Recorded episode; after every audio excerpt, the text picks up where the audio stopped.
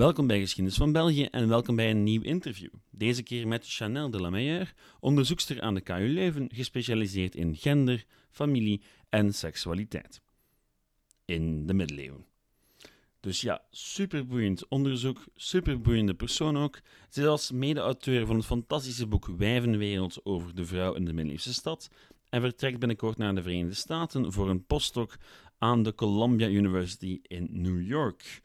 Vorige week echter maakte ze gelukkig wat tijd met mij om het te hebben over huwelijk, scheiding, overspel in de middeleeuwen en wat MeToo daar eigenlijk mee te maken heeft.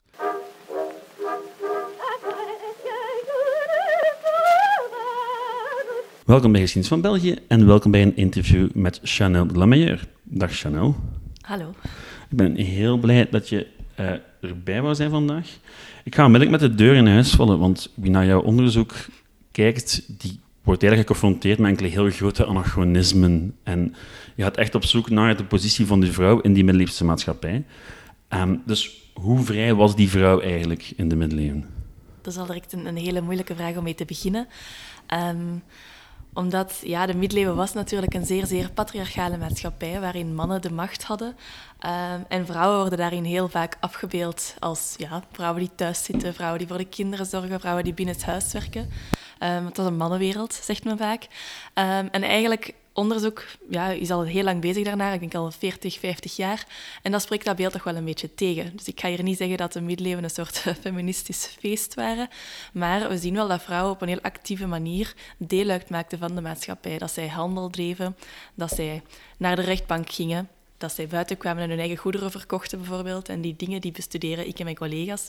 En het is denk ik heel belangrijk dat we daar ook aandacht voor hebben. Kunnen we dat huwelijk als concept van vandaag vergelijken met dat van de middeleeuwen?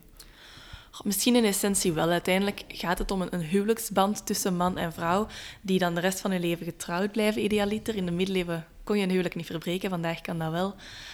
Um, dus in die zin, ja, het was het ja-woord tussen man en vrouw en dat was dan de basis van het gezinsleven. Dus in die zin kunnen we dat eigenlijk wel vergelijken, ja. Waarom trouwden mensen dan? Was dat echt vrij initiatief? Ik wil trouwen met jou, want ik vind jou leuk? Of was dat eerder de maatschappelijke norm? Hoe kunnen we dat eigenlijk vergelijken? In de middeleeuwen was de gezin, allee, het gezin was echt de kern van de economie. En een gezin wordt natuurlijk opgebouwd rond een huwelijk. Hè. Man en vrouw trouwen. En dat is dan weer iets typisch voor de lage landen, waar in Italië bijvoorbeeld grote gezinnen samenwonen, dus hele families. Zien we dat in uh, West-Europa, in Noordwest-Europa, dat koppels, eens zij getrouwd waren, apart gingen wonen van hun ouderlijk huis en dan zelf hun gezin gingen starten. En zo'n gezin was ook vaak een bedrijfje, bijvoorbeeld een bakkersbedrijfje of een kleermakersbedrijfje. Dus dat huwelijk was daarin heel essentieel. Dat was eigenlijk de kern van dat huishouden. Dat waren dan kinderen en die gezinsleden die werkten allemaal samen in dat bedrijfje. Dus een huwelijk was een economisch belangrijk iets. Um, en ook in die tijd, veel meer dan vandaag, was het een politiek instrument. Hè. Het was iets om netwerken te sluiten. We zien dat mensen uit dezelfde beroepsgroepen heel vaak met elkaar trouwden. Dus het strategisch belang van een huwelijk in die tijd mag zeker niet onderschat worden. Hoe verloopt zo'n relatie dan? Dat is ook weer een heel goede vraag. En dat is een heel moeilijke vraag om te beantwoorden, omdat de informatie die we hebben komt natuurlijk uit historische documenten. En die noteren vaak dingen zoals X en Y zijn getrouwd. Maar hoe dat huwelijk dan tot stand komt, hè, leren die mensen elkaar kennen op straat? Uh, waren het de ouders die kinderen aan elkaar voorstelden? Dat weten we eigenlijk niet. Nu, we denken wel dat dat in grote mate afhankelijk was van de sociaal-economische achtergrond. Hè. Dus in de lagere klassen, waar minder bezit speelde, zal het makkelijker geweest zijn voor jongens en meisjes om gewoon vrij je partner te kiezen, verliefd te worden, zoals vandaag dat ook gebeurt. Terwijl in de hogere klassen, en zeker in die echte elites, die stedelijke elites bijvoorbeeld, ja, daar was een huwelijk zo belangrijk dat we eigenlijk zien dat vrouwen, jonge vrouwen, ook heel goed beschermd werden. Hè. Het was niet gepast voor hen om ja, in de taverne te gaan rondhangen. Het was niet gepast voor hen om alleen te zijn met mannen buiten de familie. Dus ze werden heel goed beschermd, want eigenlijk waren die vrouwen bijna kostbaar waar. Ze waren kostbare personen om van die familie ja, een, een band te maken met een andere interessante familie. Dus voor ja, de sociaal-economische achtergrond heeft daar een rol gespeeld, maar ook daar weten we dan niet precies in welke groepen het hoe verschilde. Mm Even kort doorgaan op, op die bron, want je hebt echt heel nauw gewerkt met die bron, vooral hier voor Leuven, denk ik. Mm wat voor bronnen gebruik je dan eigenlijk? Um, ik heb een mix gebruikt van um, juridische bronnen, dus echt rechtsbronnen. Dat zijn rechtszaken vooral geweest bij kerkelijke en stedelijke rechtbanken. Uh, maar ik heb ook naar administratieve bronnen gekeken. Dus dat zijn private contracten uh, binnen families. Um, het beslechten van een conflict zonder dat daar een rechtbank aan te pas komt tussen twee private partijen. Zo, die zaken zijn eigenlijk allemaal genoteerd. En ik ben in die dikke registers gaan sprokkelen en gaan zoeken naar actes die iets met een huwelijk te maken hebben, wat soms heel frustrerend was. Ik heb soms dagenlang gebladerd zonder iets te vinden. Maar af en toe vind je dan een fantastische zaak en uh, dat maakt het dan allemaal goed. En je hebt dus eigenlijk echt op heel specifieke vrouwen gewerkt. Vrouwen die 600, 700 jaar geleden leven. Kan je dan effectief een klein beetje voorstellen hoe dat die vrouwen zich voelen bij de hele situatie, of blijft het heel administratief en, en klinisch? Um, het blijft een deel van die bronnen blijft heel administratief, hè, dus die contracten en zo blijven vrij droog. Maar eigenlijk zijn die rechtszaken die ik bestudeer, die zijn, dat is fantastisch materiaal, omdat we daar soms de partijen hebben die hun argumenten echt vertellen in de rechtbank. En daar zien we dan argumenten van, ik ben weggelopen met die man, met mijn vrije wil, want ik was verliefd op hem en we zijn samen getrouwd en ik mocht van mijn ouders niet dit doen of niet dat doen. Nu, ook hier kunt je je afvragen in welke mate strookt dat verhaal met de realiteit, hè, maar wat er echt is gebeurd. Want in de rechtbank vertellen mensen hun verhaal op zo'n manier. Ja, dat zij de grootste kans hebben op succes. En als we al die verhalen van die verschillende vrouwen gaan vergelijken, maar ook van de mannen die daarbij betrokken waren, zien we dat er altijd zo dezelfde elementen terugkomen. Dus het is bijna een beetje verdacht. Hè. Het zijn bijna verhaaltjes die verteld worden, waar altijd diezelfde heel strategische elementen in terugkomen. Een voorbeeldje is dat alle vrouwen die ontvoerd worden, verkracht worden, die waren toen de koeien aan het melken of gingen naar de kerk. Dus dat is een typisch strategisch elementje dat zij erin stoppen. Dat lijkt heel onschuldig, maar zo tonen zij van ja, ik ben een eerbare dochter, ik doe wat ik hoor te doen in het huishouden. Dus zo proberen zij al die schuld van zich af te duwen. Dus die strategische elementen ehm, geven enerzijds een hele goede inkijk in ja, wat wij het dagelijks leven dan moeten noemen van die mhm. tijd. Maar anderzijds tonen zij ook heel goed welke elementen belangrijk gevonden worden door mensen toen. Eerbaarheid voor een dochter bijvoorbeeld, in dat geval van die koeien. Um, dus het zijn zeer interessante bronnen, heel moeilijke bronnen, omdat ze bijna, het zijn bijna verhalende bronnen, het zijn bijna literaire bronnen. Mm en ja, ik ben er heel blij mee om met die documenten te werken. Juridische bronnen kunnen fantastisch zijn. Natuurlijk het gaat om het gelijk te halen. En dan, mhm. Ik heb zelf mijn, uh, mijn masterthesis gemaakt over oorlogsburgemeesters op basis van strafdossiers. En daar word je ook geconfronteerd met verhalen. En je kan inderdaad echt een, een klassiek stereotype verdedigingspatroon gaan zien, wat altijd opnieuw gebruikt wordt. Daar ben je wel veel meer dan, maar de vraag is waar je dat dan zegt over die individuele casus. Ja. Dat was een Inderdaad. groot probleem. Maar voor mij dan heb ik, hoe frustrerend dat ook is, ik vond dan de individuele casus, ik heb me daarbij neergelegd, ik ga nooit precies weten wat er hier is gebeurd, maar wat ik wel kan zien is patronen in gedragingen, patronen in ideeën. En dat is eigenlijk veel interessanter dan toch voor een historicus dan precies te weten wat er met die ene vrouw is gebeurd. Absoluut, absoluut. Nog even terug naar de, de praktische kant van dat huwelijk. Dus je vermeldde daarnet dat in, in de Nederlanden dat het voor gebruikelijk was dat men ging samenwonen apart en niet ging inwonen bij de, bij de, de ouders. Was dat echt gebruikelijk? En hoe verliep dat samenwonen dan? Was dat dan... Ja, dus we noemen dat het kerngezin. Hè. Dat heet vandaag nog altijd zo. Um, men, ging, woonde in kerngezinnen. Um, en hoe gebeurde dat? Wel, eigenlijk bij het huwelijk kregen beide partners vaak geld of bezittingen mee van de familie. Dus in huwelijkscontracten, als we die gaan bekijken, zien we dat de dochter bijvoorbeeld een landgoed krijgt dat ergens buiten de stad ligt. Zij krijgt rente, zij krijgt potten en pannen, bij wijze van spreken. En die man krijgt dat ook. En zo krijgen zij een soort van voorafname van hun erfenis, was dat eigenlijk, om hun eigen huishouden op te starten. En op die manier ja, moeten zij dan eigenlijk als, als individueel koppel, als onafhankelijk koppel, um, hun, eigen, hun eigen familie opstarten, hun eigen zaakje opstarten. En zo gebeurde dat, ja. Dat ligt eigenlijk heel dicht bij hoe dat vandaag nog vaak gebeurt in, in veel gezinnen. Heel dus, modern. het is inderdaad heel interessant hoe dat je daar vaak op terugkomt van oké, dit is dit, dit lijkt er heel veel op. Um, daar een beetje op verder gaand, in welke mate was zo'n huwelijk vrijwillig? Dat is de kern van mijn onderzoek eigenlijk. Uh, waar ik naar heb gekeken is de consent of de toestemming van de partners om te trouwen. En waarom dat, dat zo interessant is in de middeleeuwen is omwille van het huwelijksrecht in die tijd. Um, de kerk verwerft het huwelijk als volledig haar bevoegdheid in de 12e eeuw. En zij moet ook gaan nadenken over ja, wat is een huwelijk nu eigenlijk? Hè? En wat onderscheidt een, een huwelijksrelatie van een gewone relatie? En de regel die zij centraal stellen is enkel consensus maakt een huwelijk. Dus, en consensus in het Latijn dan, dat betekent toestemming nu. Dus enkel toestemming is nodig om een huwelijk aan te gaan. En met toestemming bedoelen ze de uitwisseling van de woorden ja, ik wil. Dus dat is eigenlijk ongelooflijk fascinerend, vind ik. Vanaf de 12e eeuw zegt de kerk, de toestemming van familieleden doet er niet toe. Het is de toestemming van de huwelijkspartners zelf. Ehm, dus in theorie geeft die kerk op die manier vrijheid van partnerkeuze aan jongeren in deze tijd. En wat ik eigenlijk heb willen doen, is kijken naar hoe dat theoretisch idee, dat huwelijksrecht, hoe, kwam dat, ja, hoe werd dat ontvangen eigenlijk in de late middeleeuwen, in een maatschappij waarin gearrangeerde huwelijken heel normaal waren. En je ziet dan echt die spanning tussen enerzijds dat kerkelijk idee van trouwen als een individuele zaak tussen twee mensen, en anderzijds dat maatschappelijk idee, die gewoonte van trouwen als een zaak van twee families. En die spanning daartussen komt in heel wat rechtszaken aan bod. Um, en wat ik heb ontdekt of wat ik heb onderzocht, is dat mensen heel goed wisten eigenlijk hoe belangrijk toestemming was en dat ze daar ook gebruik van maakten in de rechtbank. Desalniettemin, in de praktijk zien we toch dat ondanks men goed wist dat toestemming belangrijk was, dat heel wat mannen en vrouwen ja, nog steeds tactisch trouwden, strategisch trouwden. En misschien dat ze dat zelf ook wel wilden. Het was ook interessant voor jonge mannen en jonge vrouwen om een huwelijk aan te gaan dat binnen het netwerk lag van de familie. Dus dat blijft een hele moeilijke kwestie. Hoe belangrijk was die toestemming? Ook omdat ik met die rechtszaken werk, waarin dat die strategie zo centraal staat. Die was daar en men wist heel goed wat dat was. En men interpreteerde dat ook echt als individuele wil om te trouwen. Ja, dat is, dat is eigenlijk redelijk zot. Ja. Want dan is dat absoluut niet wordt geassocieerd met die periode. Nee. Maar dat heeft misschien ook veel te maken met het feit dat die vrije wil veel minder aanwezig was in de hogere klassen of op zijn minst in de praktijk. En dat we onze bronnen natuurlijk ook, vooral de doorsneebronnen, krijgen we eenmaal van die hogere klassen. Want het idee bestaat, en misschien was het ook wel zo, dat, dat je als prinses of dochter van een graaf of van, van een belangrijk edelman, dat je eigenlijk geen keuzevrijheid had. Ja, dat, dat weten we inderdaad wel. Hè. In de aller, allerhoogste elite zal het heel moeilijk zijn, geweest zijn voor individuen om die, om die vrijheid van keuze in de praktijk te zetten. Um, en die groepen die zijn inderdaad al lang geleden bestudeerd. Um, wat zijn vooral die stedelijke groepen die ik dan interessant vind en waar ik heb gekeken. Maar ook daar hè, zie je dan heel hoge elitefamilies waarin de familie veel meer betrokken is. En zie je ook andere lagere, uh, mensen uit een lagere klasse waarin het toch lijkt dat die vrije wil een grotere rol kon spelen.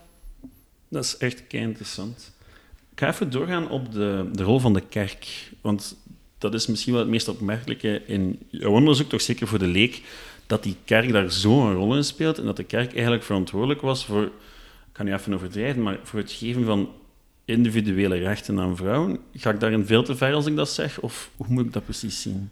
Denk niet dat je veel te ver gaat. De vraag die voor mij belangrijk is, is eigenlijk... Was het de intentie van de kerk om dat te doen? Dat is een belangrijk onderscheid. Dat was het gevolg van die wetgeving. was inderdaad dat voor de eerste keer toestemming zo centraal in de, in de wetgeving kwam te staan. En dat is ongetwijfeld ontzettend belangrijk geweest. Dus dat heeft een grote impact gehad. Het werd juridisch verankerd. Maar dat betekent niet per se dat de kerk de intentie had om vrouwen te redden hè, van hun vreselijke families. Uh, we weten eigenlijk niet waarom de kerk die regels heeft opgesteld. Dus dat blijft een heel groot debat onder historici, omdat die verantwoording is nergens opgeschreven. Sommigen denken, ja, dat is geweest omdat de kerk de macht van die rijke families wou inperken. Anderen zeggen, dat was gewoon een heel eenvoudige regel. Het huwelijk moest iets spiritueel zijn, iets zuiver van wereldlijke belangen. Dus waarom dat, dat precies is ingevoerd, weten we niet. Maar we weten wel dat die regel moet, is belangrijk geweest. Hè. Ook al kon dat in de praktijk betekende dat niet altijd in de praktijk dat vrouwen dat in de praktijk konden brengen. Dat was een moeilijke zin. Um, dus het is niet altijd zo dat, die, dat vrouwen dit in de praktijk konden brengen, maar het was wel juridisch verankerd. En we zien vrouwen die verwijzen naar die vrijheid van, van wil, die vrije instemming om zelf hun partner te kiezen. Of om een partner die hun familie voor hun voorstelde aan de kant te schuiven. Dus die kerk gaf vrouwen wel een stok achter de deur met die regelgeving en dat is heel belangrijk geweest. Ehm, nu, als je naar andere aspecten van de kerk kijkt in die tijd, waren die veel minder vrouwvriendelijk. Als we kijken naar teksten over seksualiteit bijvoorbeeld, of over vrouwelijke afhankelijkheid enzovoort, zien we eigenlijk dat de kerkelijke schrijvers heel vaak een veel misogynere, negatievere versie um, schrijven dan heel wat wereldlijke auteurs in die tijd. Dus het is zeker niet allemaal... Mm We moeten de kerk zeker niet op een gigantische vrouwenrechtenvoetstuk plaatsen. Maar ik denk dat we die, dat belang van die instemming, dat we dat niet mogen onderschatten. We hadden het al over huwelijken. Dan kunnen we het misschien ook even hebben over wat vaak komt naast een huwelijk, of het toch mee geassocieerd wordt, overspel of scheiding. Daar heb je ook heel veel op gewerkt. Ja, daar heb ik ook naar gekeken. Um, en wat daar interessant is weer al, is dat we altijd denken, als we enkel wetteksten bekijken, denken we, oh, dat kon absoluut niet. Scheiding kon niet. Een huwelijk was voor God aangegaan. Je kon dat niet beëindigen. Ja, en overspel, als we wetteksten lezen, werd ook vrij streng bestraft. Daar zijn wetteksten uit Antwerpen bijvoorbeeld die zeggen dat vrouwen die schuldig zijn van overspel uh, een soort teken op hun, op hun jas moeten dragen, zodat iedereen ziet dat zij uh, ja, onzedige, overspelige vrouwen zijn. Maar als we dan naar de praktijk kijken, zien we eigenlijk toch wel... Um, dat die dingen bestraft werden, maar vaak met een boete, uh, met een som. En dat die koppels dat dan probeerden ja, uit te werken. Er is één heel mooi voorbeeldje uit Antwerpen, waar een vrouw met de prachtige naam Polixie um, ja, samen in een kamer was met een man die daar niet moest zijn. En op een dag staat er in de brief, komt haar echtgenoot thuis, die wil gaan slapen, die klopt op de kamerdeur en hij ziet daar zijn goede vriend geborgen achter het bedden, staat er in de bron. Um, en dan komt er een hele rechtszaak. En dan zien we heel goed in die rechtszaak uh, dat de man niet zijn vrouw aanklaagt, of uh, beschuldigd, maar dat hij alle pijlen eigenlijk richt op zijn goede vriend. Dus op de, ja, op de man waar zijn echtgenote mee in overspel leeft. En dat toont dan weer heel goed aan hoe men keek naar ja, mannelijkheid en vrouwelijkheid in die tijd. Voor um, die bedrogen echtgenoot was het heel gênant dat zijn vrouw overspel pleegde. Dus het was eigenlijk veel makkelijker voor hem om in plaats van dat overspel uh, bloot te leggen en dus die relatiefout bij hen bloot te leggen, ging hij zijn pijlen op een partij buiten het huwelijk richten, hè, die... die die minnaar van zijn vrouw. En op die manier legde hij alle schuld daarbij en werd hij een beetje ontzien. Want ja, anders zou heel de gemeenschap weten dat hij een soort van ja, sukkel was, hè, die niet, niet presteerde seksueel. Dat waren de typische beelden over die, die mannen die bedrogen werden door hun vrouwen. Uh, dus zo'n zaken zien we af en toe en die zijn heel interessant. En wat dan nog interessanter is, is dat zoiets, een, een zaak van overspel, uh, kon leiden tot een scheiding. Um, en dat is geen scheiding zoals we die vandaag kennen, want zoals al gezegd, een scheiding kon niet. Um, maar dat was een scheiding van tafel en bed. En dat betekent dat het huwelijk bleef bestaan. Dus het koppel bleef gehuwd. Maar zij kregen de toestemming van de bisschop om apart te wonen. En zij woonden dan ja, alsof ze niet getrouwd waren, maar ze mochten geen relaties aanknoppen met andere mensen, want het huwelijk bestond eigenlijk nog altijd. En die scheiding van tafel en bed, um, zo zijn er ongeveer bijvoorbeeld in Brussel, zien we dat er 80 zijn op een periode van, van 10 jaar tijd, wat toch wel vrij veel is. En overspel was een typische reden. Um, en wat een andere reden was die regelmatig voorkomt, is dat er een onverenigbaarheid was van karakter. Wat toch ook heel opmerkelijk is, hè, want we denken altijd aan het middeleeuwse huwelijk liefdesloze, harteloze overeenkomsten of uh, verbindenissen. Maar dat die reden getolereerd werd door een, een bischop, nota bene, hè, voor een koppel om uit elkaar te gaan, toont toch aan dat er wel werd verwacht dat man en vrouw ja, toch op zijn minst met elkaar doorheen door konden en dat zij elkaar op een bepaalde manier wel graag zagen. Um, bij die scheidingen werd er dan een verdeling gemaakt um, van al het bezit. En wat we daar ook zien, is dat de kinderen verdeeld werden. Dus dat bijvoorbeeld er in zo'n contractje staat, oké, we zijn we scheiden van tafel en bed. De man zorgt voor de twee zonen en de vrouw zorgt voor de dochtertjes. Dus eigenlijk zie je daar een soort van co-ouderschap van la lettre. Um, en dat die dingen allemaal bestaan, toont toch heel goed aan dat ondanks al die, die strenge ideeën over het huwelijk en over seksualiteit enzovoort, dat er in de praktijk wel heel veel ruimte was voor aangepaste regelingen en ja, dat die context en dat dat wel in rekening werd gebracht en dat mensen wel dat die niet moesten blijven vastzitten in een situatie waarin dat zij allebei heel ongelukkig waren. Ongelooflijk pragmatisch. Ja, inderdaad. ja, dat valt wel heel hard op. Um, nog een ander aspect, schaking. Ja. Dus eigenlijk ontvoering, kidnapping. Ja dat is eigenlijk echt de core van mijn onderzoek. Zo ben ik begonnen als masterstudent met die schakingen. En ik kende dat enkel uit sprookjes. Hè, de vrouw in de toren en de man die haar meeneemt. Maar dat was dus een praktijk die echt voorkwam. En eigenlijk niet alleen in de 15e eeuw in de Lage Landen, die ik heb onderzocht. Maar dat komt overal voor. Denk maar aan het verhaal van Paris en Helena. Hè. Paris die Helena schaakt, dat is de meest bekende misschien. Maar ook vandaag zijn er samenlevingen waarin die bruidsontvoering nog voorkomt. En in de middeleeuwen werden vrouwen relatief regelmatig geschaakt en dat deed men om een huwelijk af te dwingen. Dus die vrouwen werden meegenomen met of tegen hun wil om een huwelijk af te dwingen waar ja, zij zelf of haar familie niet mee akkoord was. En die dingen die kwamen dan in de rechtbank aan bod, hè, want dat mocht natuurlijk niet schaken. En dat leidt tot de meest ja, onwaarschijnlijke rechtszaken waarin al die belangen tegenover elkaar staan, waarbij de man zegt, ik heb haar geschaakt met haar wil, de vrouw zegt, dat is niet waar, hè, je hebt mij ontvoerd tegen mijn wil. En hele gigantische ja-nee-verhalen komen daarin aan bod die ongelooflijk, ongelooflijk inzicht bieden eigenlijk in hoe men dacht over toestemming, relaties, huwelijken, geweld daarbij enzovoort. Dus dat is een fascinerend, fascinerend onderwerp. En wat gaf dan de doorslag in zo'n rechtszaak? Die toestemming van die vrouw was heel belangrijk. Hè? Dus daarom ehm, dat daar zo rond gefocust werd. Uh, maar het probleem dat die rechters dan heel vaak hadden, is dat de man bijvoorbeeld zegt: Ik ben getrouwd met die vrouw. Ik heb haar geschaakt met haar toestemming en ben met haar getrouwd. Waarbij dan de vrouw als verdedigende partij optreedt en zegt: ah, dat is niet waar. Ik heb wel ja, ik wil gezegd, maar het was niet met toestemming. Het was onder dwang. En ik ben ontvoerd door hem en door al zijn vrienden toen ik bedreigd werd met messen enzovoort. En die rechters werden dan geconfronteerd met een soort ja-nee-verhaal waarin elke partij iets anders zei. En zij moesten dan proberen om te achterhalen wie, wie gelijk had en of er een huwelijk had plaatsgevonden of niet. Ehm, dus er zijn gigantisch veel rechtszaken bewaard op die manier, uh, waarin dus één partij beweert getrouwd te zijn met de andere partij die dat tegenspreekt. En af en toe hebben we zelfs zaken waarin één vrouw getrouwd is met twee mannen en één van de twee zegt ik ben met haar getrouwd en de andere zegt ah nee, ik was eerst, ik heb eerst ja, ik wil gezegd. En klinkt belachelijk eigenlijk. Het klinkt soms te gek om waar te zijn. Maar dat toont eigenlijk aan dat die nadruk op toestemming door de kerk, hoe mooi en idealistisch dat ook lijkt, dat dat eigenlijk ook wel tot problemen leidt. Want als je enkel ja, ik wil moet zeggen, kon je achteraf heel makkelijk ontkennen dat je dat ooit had gezegd. Dus het was heel moeilijk om dat te bewijzen. En vaak zien we inderdaad allerlei claims dat er ja, ik wil was uitgewisseld, die nadien dan ter discussie kwamen te staan. En schaking was een middel dat mannen gebruikten vaak om een vrouw te, te huwen die dat, ja, eigenlijk uit een hogere klasse kwam. Hè. Dus zo konden zij een welstellende vrouw in een huwelijk dwingen. Maar wat we ook zien is dat een schaking werd gebruikt door een man en een vrouw, een soort van geanceneerde ontvoering. En die vrouw liep zo weg van haar, van haar ouderlijk huis en trouwde met de partner waar zij mee wilde trouwen, ook al zag haar familie dat huwelijk totaal niet zitten. Dat is eigenlijk een bonte... Maar in dat geval kon een rechtszaak relatief eenvoudig opgelost worden, want dat was zei zowel de vrouw als de man, ik wil het. En dan zich was dat geen grote discussie, of wel? Nee, inderdaad. Dat, dat is eigenlijk het, het, het fascinerende weer. Als, zo, als de vrouw zei, ik wou het ook, het was met mijn wil, kon die familie ja, op, haar hoofd, op haar kop gaan staan eigenlijk. Maar dat huwelijk was geldig. Hè. Als het huwelijk gebaseerd was op de toestemming van beide partijen, was dat huwelijk geldig en onontbreekbaar. Dus als een koppel via schaking samen wegliep naar een ander dorp, hè, waar dat zij minder uh, zichtbaar waren, omdat de gemeenschap hen daar niet kende, konden zij trouwen en konden zij hun familie nadien voor een voldongen feit stellen. We zien wel familieleden die dat dan gaan aanklagen. Die zeggen, ja, maar dat is niet oké.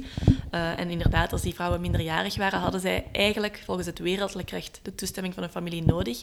Maar volgens het kerkelijk recht, dat daar dan een beetje tegenin ging, was dat huwelijk wel geldig. Dus we zien dat families een soort van... Ja, ze konden die zaak aanklagen. Ze konden in het allerergste geval konden zij hun dochter onterven. Maar die dochter bleef getrouwd met de man waarmee ze wilde trouwen en die familie kon daar niks aan veranderen. Ja. Het belang van consent. Ik moet wel zeggen, toen, we daar zo, toen ik daarover bezig was, moest ik wel heel hard denken aan het hele idee van we zitten nu met de zaak De Pauw en al, ja, dat is nog altijd een dingetje, toestemming. Ik vind het heel, heel vreemd dat dat nu wel heel sterk terugkomt, ook in de media. En dat dat daar eigenlijk ook al heel erg de discussie was, even goed in een rechtszaak. En wat dan voor mij nog het meest fascinerende is, is dat vandaag praten wij over actieve toestemming. Hè. Vroeger zei je nee is nee, vandaag is het ja is ja. Dus die toestemming moet uitgesproken worden. Meer en meer landen passen hun wetgeving rond verkrachting aan, dat het gaat over ja zeggen en niet over nee zeggen. Um, maar eigenlijk is dat iets middeleeuws. Want de kerk gaat ook zeggen actieve toestemming is centraal. Dat gaat dan over het huwelijk, hè, niet over verkrachting. Maar eigenlijk zegt de kerk ook, hoe gaan we die toestemming meten? Door het luidop zeggen van een ja, ik wil. Dus eigenlijk is dat actieve toestemming, wat ongelooflijk fascinerend is, dat dat in, in die tijd zo centraal werd gezet. Ja. Absoluut, ja. Ik, ik, wist al ongeveer waar we naartoe gingen met dit interview, maar ik blijf wel heel erg verrast zijn door hoe actueel dat echt wel kan zijn. Hoe ver ligt de wereld van de moderne vrouw nu eigenlijk van die van de middeleeuwen? Een onmogelijke vraag, ik weet het, maar het is misschien wel iets interessants om over na te denken. Ik denk dat die, dat die heel, heel, heel ver van elkaar af ligt. Hè. Ehm, maar wat ik vooral heb willen aantonen, en wat mijn collega's die mee aan Wijvenwereld hebben gewerkt ook hebben willen aantonen, is dat wij denken vandaag dat die vrouwen niks deden. Of dat werd gewoon niet bestudeerd, die werden gewoon niet belangrijk gevonden. En als we dan eens gaan kijken in die, in die administratieve bronnen, in die juridische bronnen, zien we eigenlijk dat daar overal vrouwen opduiken. En dat zij op elk vlak van, van de maatschappij eigenlijk een impact hebben gehad. Dat zij hebben geïnvesteerd, dat zij les gaven, dat zij konden lezen, dat zij boeken bezaten, dat zij naar de rechtbank gingen, dat zij het gevoel hadden dat het in onrecht werd aangedaan. Um, en in die zin zien we eigenlijk toch wel een beetje gelijk. Gelijkenissen klinkt zelfs te sterk. Maar net als, als, als ik vandaag naar de rechtbank kan gaan, iets kan verkopen enzovoort, konden vrouwen in de middeleeuwen dat ook. Nu, die patriarchale belemmeringen waren veel, veel sterker in de middeleeuwen. Dus ik ben heel blij dat ik vandaag leef en niet toen. Um, maar desalniettemin is het heel belangrijk dat we erkennen dat die vrouwen dat deden. Want ik denk dat als we altijd opnieuw die verhalen vertellen van in de middeleeuwen vrouwen waren begijnen, Jeanne d'Arc heb je dan niet altijd mhm. terugkomt, af en toe een keer de prostituee. Als we altijd maar dat verhaal herhalen, um, ja, dan geven we eigenlijk het idee ook aan vrouwen vandaag van, ja, wat dat jullie ook doen, het wordt toch niet erkend of het maakt niet zoveel uit. Mhm. En het is ook aange het heeft, allee, onderzoek heeft ook aangetoond dat de verhalen die je over vrouwen vertelt, wat dat nu in de media is of in de geschiedenisboeken, um, dat dat impact heeft op hoe dat wij naar genderrollen vandaag kijken. Dus vandaar dat het zo belangrijk is om eens te gaan tonen van ook toen deden vrouwen dingen. En wat nog belangrijker is, denk ik, is dat wij altijd denken dat vrouwenrechten een soort van um, curve is die van, van, hè, van 0 naar 100 gaat. En vandaag zitten we op een soort van toppunt. Maar dat klopt helemaal niet. Uh, want eigenlijk de periode die ik bestudeer, de 15e eeuw, dan zien we dat vrouwen eigenlijk een veel betere positie hadden dan in de periode nadien. Hè. Als de reformatie opkomt, uh, als ook ambachtsschilden bijvoorbeeld terug veel machtiger worden, zien we dat vrouwen een veel moeilijkere positie beginnen krijgen terug. En dat zij veel meer worden teruggeduwd naar de private uh, sfeer, naar de, ja, naar de de omgeving van het huishouden. En dus dat toont heel goed aan dat de, de positie van de vrouw dat dat geen stijgende lijn is, maar dat dat met ups en downs gaat. En eigenlijk is dat misschien ook een soort van waarschuwing dan voor vandaag. Ja, we denken allemaal dat we alles hebben verworven uh, en dat, dat het alleen maar beter kan gaan. Maar de geschiedenis toont eigenlijk aan dat dat niet per se zo is. En dat we misschien uh, daar goed van op de hoogte moeten zijn en daar waakzaam over mhm. mogen zijn. Dat is natuurlijk een heel belangrijke verantwoordelijkheid voor historici, maar ook voor de media, om, om daarover te berichten. Want ik heb zelf een reeks gemaakt van drie afleveringen over vrouwengeschiedenis. Mhm. En dat was ongelooflijk frustrerend, omdat ik kwam constant uit op Jeanne d'Arc en heksen en af en toe een prostituee. En ik kwam constant daarop uit. Het was enkel door de hulp van Kim de Scheenmaker van Liberas, die me dan echt een lijst heeft doorgestuurd, waaronder Wijvenwereld. En daardoor heb ik effectief toch iets kunnen maken waarin dat ik veel breder ben kunnen gaan dan dat beeld het is op zich belachelijk dat we altijd opnieuw uitkomen bij die, die stereotypes, die zelfs niet eens echt kloppen in het algemeen, terwijl dat er daaronder ja, een hele wereld zit die natuurlijk wel bestond. Want er waren altijd vrouwen, vrouwen hebben altijd een impact gehad, dat kan ook niet anders. En die frustratie is bij mij iets, iets redelijk groots, omdat ja, daardoor krijgen mensen zo een benepen visie van het verleden en dus op een bepaalde manier ook van het heden. En daarom is ja, dat soort onderzoek ongelooflijk belangrijk. Ja, maar eigenlijk ben ik misschien zelf een beetje in hetzelfde bedje ziek. Uh, in de zin dat in het middelbaar bijvoorbeeld, als ik geschiedenis volgde, ik was nooit geïnteresseerd in de middeleeuwen. Ik vond dat verschrikkelijk. Altijd opnieuw die feodaliteit, feodaliteit. De meer of vingers interesseerden mij totaal niet. En ook als ik dan mijn opleiding begon aan de UNIF, dacht ik, ik ga moderne geschiedenis doen. Ik ga hedendaagse geschiedenis doen. En het is eigenlijk pas door in aanraking te komen met onderzoek als student dan over gewone mannen en vrouwen en daar af en toe eens een vrouw in te zien of gewone mensen. En eigenlijk te zien dat sommige dingen dat die mensen deden dat toch wel herkenbaarder zijn dan dat je zou denken. Dat er voor mij zo'n soort nieuwe wereld is opengegaan en dat ik dacht, ah, dat, dat, bestond ook. Ik heb me dat niet eens afgevraagd. En ik ben daar eigenlijk ook op die manier heel toevallig uh, ingerold. En nu besef ik heel goed van dat is belangrijk en dat is ongelooflijk dat dat weinig dat daar weinig aandacht voor was. Want bijvoorbeeld toen dat wij Wijvenwereld schreven, zijn wij zelf eens gaan kijken in de, de courante geschiedenishandboeken voor het secundair onderwijs. En inderdaad, zoals gezegd, dat was Jeanne d'Arc, de prostituee en de begijn. Um, en we hopen dan toch dat we op, door ons onderzoek ook naar een breed publiek te communiceren, dat we toch wel kunnen aantonen van, ja, zo, zo was het niet. Dat was niet mhm. heel veel vrouwen, gewone vrouwen, ja, die mhm. deden ook dingen die ertoe deden en die de, de stedelijke samenleving dan mee vorm hebben gegeven. Ja, de discussie gaat natuurlijk verder dan enkel vrouwen. Het gaat over heel veel aspecten, maar die geschiedenishandboeken, er is beterschap op komst. Maar eh, ik had in de tijd een studie gevonden uh, daarover. Ik weet het niet meer, het was ergens een hogeschoolstudie. En die had echt een heleboel handboeken bekeken en vergeleken. En daar kwam echt uit dat, ook al was dat totaal niet expres, maar daar kwam een heel mannelijk beeld uit. Een heel mannelijk beeld, een heel wit beeld. Daar werden echt de maatschappij werd daar gewoon in weerspiegeld zoals de mensen die dat geschreven hebben hem zagen. En dat is zo eenzijdig. Ik werk zelf in Brussel, dus ja, dat, is, dat is heel moeilijk dan. Die representatie is net zo belangrijk. Ook in handboeken, ook in adres. En voor een leerkracht die het handboek volgt, wat ik snap, is veel werk soms. Maar ja, die gaat dan ook nooit eens buiten dat beeld gaan. Ja. Die gaan nooit eens andere bronnen gaan aanbrengen. Daarom zijn die handboeken zo belangrijk. En als we daar niks aan doen, ja, dan zadel je leerlingen op met een heel beperkt beeld. En bij mij is hetzelfde. Middeleeuwen, dat interesseerde mij... Als kleine jongen interesseerde mij dat veel. En eens geschiedenis niet zozeer meer ging over ridders, maar over andere dingen, dan, dan was ik daar totaal niet meer in geïnteresseerd. En bij mij heeft het geduurd tot na Dunief dat ik dat echt opnieuw boeiend ben gaan vinden. Net omdat die persoonlijke verhalen daar ook zo interessant in zijn en dat het ook weer gewoon mensen zijn die... Maar ik denk dat dat een evolutie is dat je, als je maar diep genoeg graaft, kan je elke periode boeiend vinden. Dat is waar ik nu beland ben, waar ik eigenlijk geen voorkeur meer heb, omdat het allemaal wel interessant is, hangt af van de invalshoek.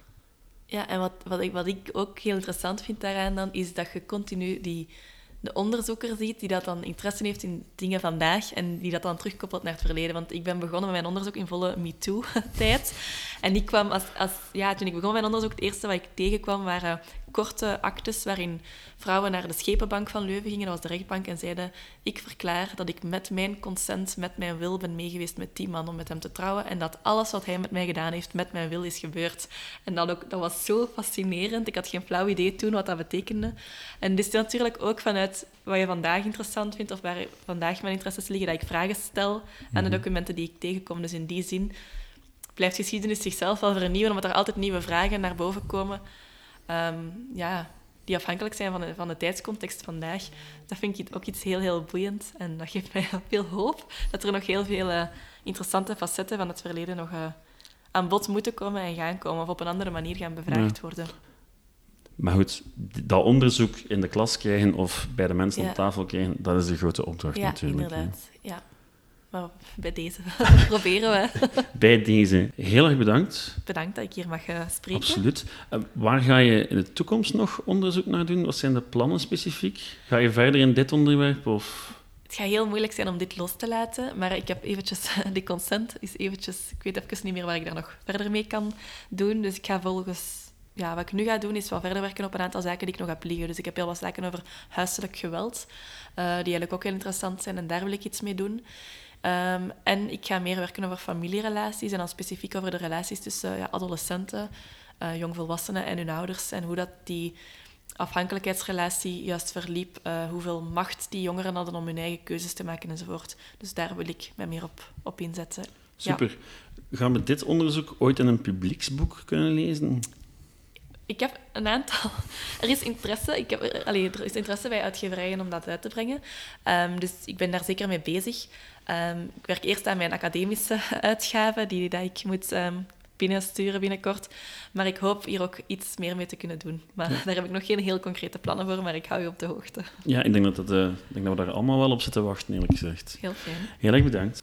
Tot daar het interview. Voor wie meer weten wil over het onderzoek staan er twee links naar artikels waarin mevrouw de la Meyer al eens haar verhaal deed.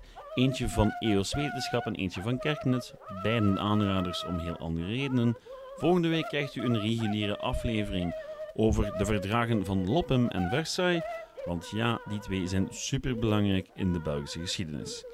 Goed, tot dan. Dank voor het luisteren.